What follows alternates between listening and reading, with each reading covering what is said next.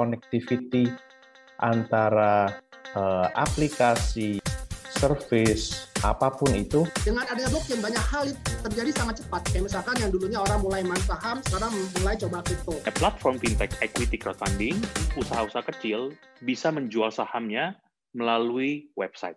Selamat siang dan selamat datang di Techminar by Grand. Perkenalkan kembali, saya Sheila yang moderator untuk Techminar hari ini sekaligus mewakili Keren Indonesia.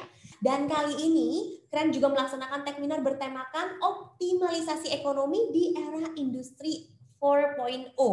Oke, seiring berjalannya waktu, perkembangan teknologi informasi dan internet yang sangat pesat tidak terelakkan dan hal ini yang mendorong terjadinya revolusi industri 4.0.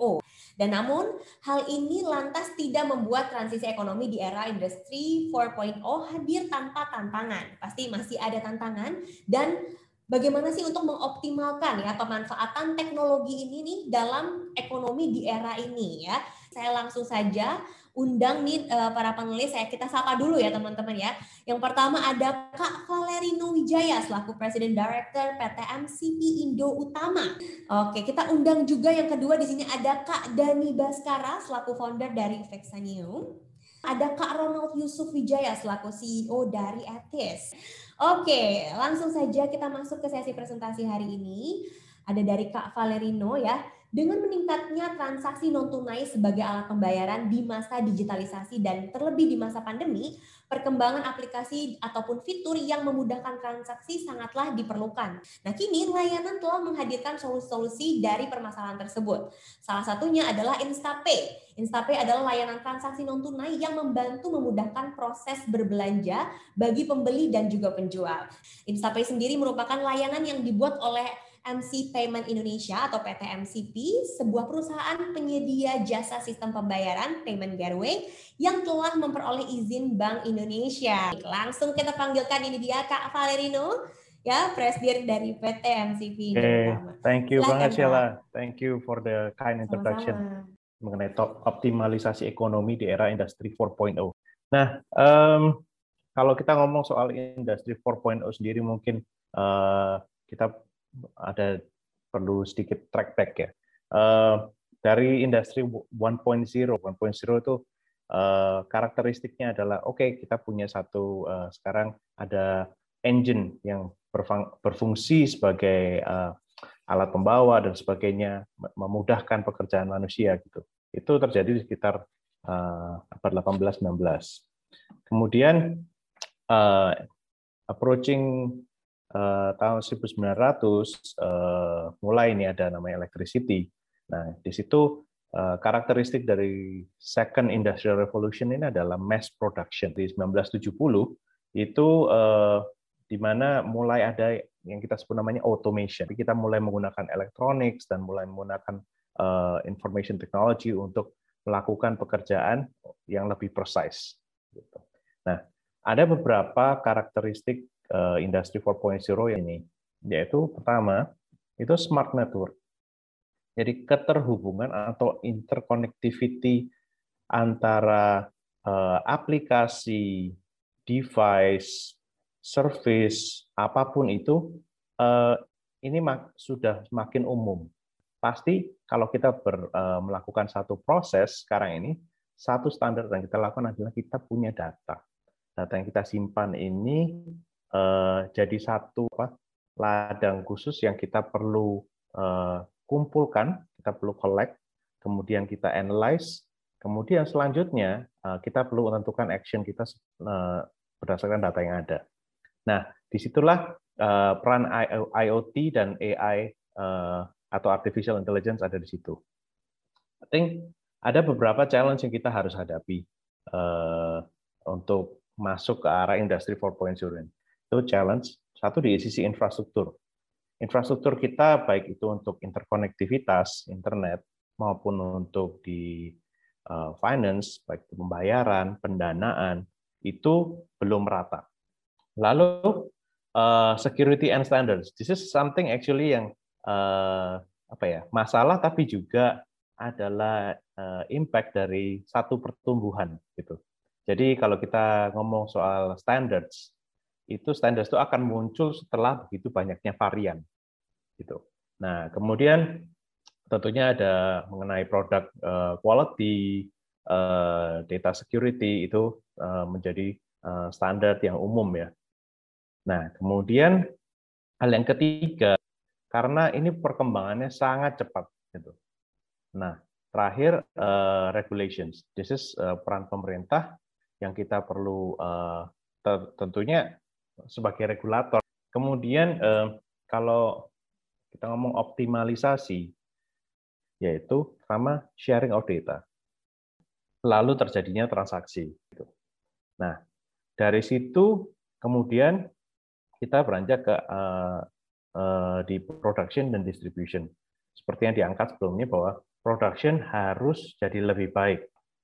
Lalu uh, antara empat ini untuk mengoptimalisasikan, um, pertama saya rasa perlu kolaborasi. Nah, bentuk selanjutnya apa nih kalau kolaborasi? Kolaborasi ini biasanya partnership. Nah, level berikutnya apa? Kalau apa data ini kemudian masih dirasa belum efisien nih, belum optimal nih kerjasamanya. Terjadi adalah konsolidasi. Nah, kemudian eh, yang penting juga eh, ini perlu support dari pemerintah dan korporasi. Eh, MC Payment sendiri kita bergerak di pembayaran. Kemudian kita juga ada kolaborasi atau partnership dengan peer-to-peer ataupun uh, bank juga ya. Nah, tadi sempat disinggung mengenai salah satu produk namanya aplikasi InstaPay. Aplikasi InstaPay ini di situ Anda bisa sebagai pelaku usaha bisa uh, membuat invoice itu tagihan ya. Kemudian tagihan ini bisa dikirimkan melalui media sosial. Uh, di situ berbentuk payment link dan ada beberapa ada beberapa metode pembayaran yang tersedia di sana. Tentunya kita juga eh, menyediakan dashboard yang eh, real time di situ eh, yang mengindikasikan bahwa yes somebody atau seseorang ini sudah bayar gitu. Nah, gitu. Jadi itu supporting kartu kredit dan sebagainya tanpa perlu repot untuk um, apa ya apply ke bank di tempat kami. Terima kasih. Itu saja dari kami. Langsung saja ya kita akan undang nih pembicara kita yang kedua. Di mana di era industrialisasi 4.0 ini pemanfaatan teknologi dan dunia digital ini menjadi lebih dimaksimalkan ya dalam berbagai sektor tentunya ya termasuk untuk meningkatkan perputaran ekonomi dan salah satu jenis teknologi yang hadir untuk mempermudah pengelolaan keuangan dan aktivitas tersebut adalah blockchain ya Sistem blockchain tidak hanya menggunakan pihak ketiga lagi, namun juga menggunakan banyak pihak atau jaringan atau organisasi. Hal ini berguna untuk mencegah adanya pembobolan ataupun gangguan pada sistem. Dan ini menjadi kekuatan dari blockchain itu sendiri. Blockchain juga menjanjikan keuangan publik yang inklusif ya, khususnya bagi masyarakat yang tidak tersentuh layanan perbankan. Langsung saja kita mau undang ini dia Kak Dani Baskara selaku founder dari Vexanil. Ya, selamat siang semuanya. Uh, saya Dani Baskara dari Texanium. Ya, uh, hari ini uh, kita akan saya akan menyampaikan beberapa hal yang mengenai blockchain. Jadi uh, Vexanium ini sendiri adalah public blockchain ya. Jadi kita public blockchain dan smart contract platform. Jadi kita lebih ke layer infrastructure ya. Jadi uh, layer dasar di di teknologi. Jadi uh, di dengan menggunakan uh, Vexanium blockchain ini kita bisa uh, membuat berbagai macam uh, produk berbasis blockchain. Dan ini adalah sebuah uh, sebuah fundamental yang yang dirubah oleh blockchain. Ya. Jadi kita tahu ada berbagai macam layer trust. Ya. Yang, ketiga adalah intermediary. Anda mencoba menjadi pihak ketiga yang dipercaya oleh banyak orang. Tapi di blockchain itu tidak memerlukan pihak ketiga. Jadi kita benar-benar percaya dengan yang namanya uh, smart contract. We trust the code. Nah, ini sebenarnya yang membuat uh, blockchain itu sebenarnya sangat disruptif. Ya, jadi fundamental dari blockchain itu dia merubah apa saja sih sebenarnya. Jadi sebenarnya ini ada lima hal sebenarnya yang dirubah oleh blockchain. Ya, jadi yang pertama didistrasi adalah money. Jadi uang ini benar-benar bisa diprogram, benar-benar bisa dilakukan eh, secara transparan. Nah, dengan blockchain itu kita tidak perlu menggunakan uh, database MySQL. Jadi kita langsung benar-benar semua bisa taruh di blockchain. Ini kurang lebih seperti itu. Dan yang ketiga dia merubah konsep identity. Ya ini sebenarnya yang dirubah secara dasar dari blockchain. Dan yang keempat, yang yang ini adalah merubah konsep organisasi, ya atau trust. Nah seperti ini. Jadi di blockchain ini kita bisa membuat sebuah organisasi yang model baru. Jadi kalau di blockchain ini uh, sebuah organisasi bisa dibuat yang uh, dinamakan oleh decentralized autonomous organization. Jadi organisasinya bisa otomatis, votingnya semuanya bisa otomatis dari user. Jadi model perusahaan yang dulu kita eh, perusahaan itu masih ada PT seperti ini, sahamnya seperti ini. Nah di blockchain itu sudah semuanya sudah bisa di tokenize. Jadi semuanya bisa di, di, di state di smart contract. Ya, jadi kayak misalkan eh, dengan adanya blockchain banyak hal itu terjadi sangat cepat. Kayak misalkan yang dulunya orang mulai main saham, sekarang mulai coba kripto. Kenapa main di kripto? Karena satu, kripto itu borderless. Ya, jadi kita ketika kita membuat sebuah startup kripto, hari pertama itu sudah borderless. Jadi hari pertama itu sudah benar-benar bisa diakses worldwide. Ya, karena kenapa? Dengan adanya teknologi blockchain, si A sama si B itu tidak ada tidak ada jarak. Jadi karena uh, itulah hebatnya blockchain. Jadi seperti ini. Jadi kita lihat ada tiga jenis inovasi ya yang yang dasar. Jadi uh, inovasi pertama di layer distribution ya. Kita tahu fintech ya. Jadi seperti tadi itu fintech itu uh, integrasi akses to financial product. Jadi uh, semua orang bisa mengakses uh, financial dengan lebih mudah. Dan yang kedua adalah inovasi di layer middle office ya. Jadi chatbot, artificial intelligence. Dan yang ketiga, inovasi blockchain adalah inovasi di layer manufaktur. Jadi customer-nya sama, tapi yang dirubah di blockchain apa? Pabriknya yang dirubah. Jadi ketika blockchain itu sudah merubah the manufacturer-nya sendiri, ya semua elemen-elemen di, di layer distribusi, layer middle office itu akan mulai pelan-pelan akan dirubah. Jadi kalau misalkan layer manufacturing tidak bisa dirubah, ya blockchain itu tidak tidak tidak terlalu berguna. Jadi Vexanim ini salah satu layer infrastruktur yang Anda bisa pakai. Jadi sebenarnya banyak sekali ya. Jadi eh, dengan blockchain itu, jika blockchain itu sudah merubah, mulai merubah uh, layer manufacturer, dia akan masuk ke hampir semua industri. Ya. Jadi ini di, di masa mendatang, uh, blockchain ini sebenarnya peluangnya gede sekali. Karena ketika blockchain itu mulai diterima, itu akan create new ekonomi. Oke, selanjutnya kita juga mau mendengar nih dari speaker kita yang ketiga ya, terkait dengan Etis ya, di mana Etis adalah penyelenggara teknologi finansial syariah yang melayani pembiayaan berbasis peer-to-peer financing, menghubungkan pemilik bisnis ataupun usaha tadi ya, dan juga komunitas pemberi pembiayaan secara digital. Nah, di sini Etis hadir untuk menciptakan iklim keuangan yang lebih inklusif bagi seluruh komunitas masyarakat Indonesia dengan sistem pembagian nisbah yang lebih adil. Nah, langsung saja kita mau panggilkan ini dia ada Kak Ronald Yusuf Wijaya selaku CEO dari Etis. Silahkan Kak Ronald. Bagaimana saya menerapkan teknologi dan inovasi dalam entrepreneurship. Nah, eh, yang tadi pertama dijelaskan oleh Bro Valerino dari MCP ya itu adalah di kuadran satu Nah, kebetulan kami adalah sebuah fintech yang masuk dalam kuadran dua, yaitu deposit, lending atau financing, dan juga capital rising. Nah, kalau teman-teman lihat di situ ada dua subkategori di kuadran ini, yaitu peer-to-peer lending, lalu equity crowdfunding, atau yang sekarang ini akan berubah namanya jadi securities crowdfunding. Konsep peer-to-peer atau tadi fintech peer-to-peer eh, yang di kuadran dua itu, ini sebetulnya masuk kategori dari crowdfunding crowdfunding sendiri ini dibagi ada kategorinya lagi nih teman-teman. Ada yang sebelah kiri yaitu filantropik atau untuk sifatnya sosial dan juga yang sebelah kanan untuk investment atau lebih kepada komersial. Nah, namun ternyata dari kategori tersebut ada sub kategorinya lagi, donation crowdfunding. Nah, ternyata di sub kategori yang kedua yaitu reward crowdfunding di Indonesia belum ada saat ini. Nah, teman-teman yang sebelah kanan ini yang sudah ada regulasinya dan bisa dibilang sebagai fintech paling mature di Indonesia yaitu profit sharing crowdfunding atau kalau terminologi yang paling sering dipakai adalah peer to peer atau P2P. Apa sih peer to peer? Peer to peer itu secara harfiah adalah person to person.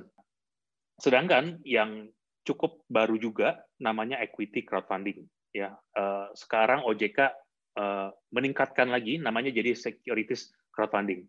Bedanya apa sih? Nah, equity crowdfunding sesuai namanya ini adalah urunan berbasis saham atau berbasis ekuitas Artinya apa? Terminologi yang paling sederhana saya bisa sampaikan. Nah, kalau perusahaan TBK, perusahaan IPO, untuk dapat dana dari masyarakat harus ke pasar modal, harus ke bursa.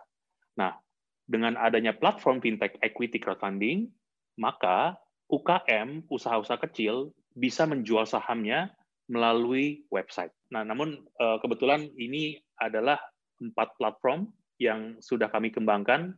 Eh, tadi disebutkan Etis ya. Etis memang sebagai holding kami awalnya, di mana pertama kali saya bikin namanya Etis. Nah, ada platform kedua kami namanya Capital Boost. Ini untuk pembiayaan berbasis murabaha atau jual beli aset. Nanti akan ada contohnya. Nah, yang ketiga adalah berikutnya Sekolah Fund atau donation platform di bidang pendidikan. Nah, yang paling baru namanya Global Sadakah. Seperti saya sampaikan di awal, memang etis awalnya banyak di properti, khususnya properti rumah murah, rumah subsidi, ya dengan idenya adalah membawa investor dari Singapura untuk invest kepada proyek-proyek properti berdampak sosial di Indonesia. Lalu berikutnya ada Capital Boost. Ini memang fokus kepada pembiayaan uh, bersifat murabaha atau jual beli. Nah, kami sebetulnya juga marketplace, tapi mempertemukan yang punya proyek dengan yang punya uang. Dan yang tidak kalah penting ya, yaitu reporting. Buat kami reporting is marketing. Ketika donasi orang berdonasi lalu impact-nya jelas dan di, dikasih visualisasi, visualisasi yang bagus, maka insya Allah mudah-mudahan ke depannya bisa jadi donasinya akan lebih besar. Bagaimana uh, teknologi begitu uh, potensi gitu ya meleverage meningkatkan performance dari usaha kita. Setidaknya ada beberapa peran penting teknologi yang saya uh, identifikasi gitu ya. Yang pertama tentunya untuk mempermudah komunikasi di mana teknologi membuat semua jadi accessible. Ya. Berikutnya manajemen data. Dengan adanya teknologi, setidaknya data ini akan tadi disampaikan juga data is the new oil. Bagaimana kita manage data tersebut. Nyambung ke poin nomor tiga untuk memberikan pengetahuan atau insight sebagai sumber informasi dalam membuat keputusan ya. Dan yang tidak kalah penting juga adalah customer relationship management. Banyak sekali perusahaan berbondong-bondong investasi ke dalam properti uh, sorry ke dalam teknologi saat ini karena skalabilitas. Dengan orang yang jumlahnya sama dengan mungkin tidak perlu kantor sampai di titik itu tetap bisa men-serve service sampai ratusan juta orang seperti itu. Dan yang tidak kalah penting, aktivitas bisnis bisa berjalan 24 jam.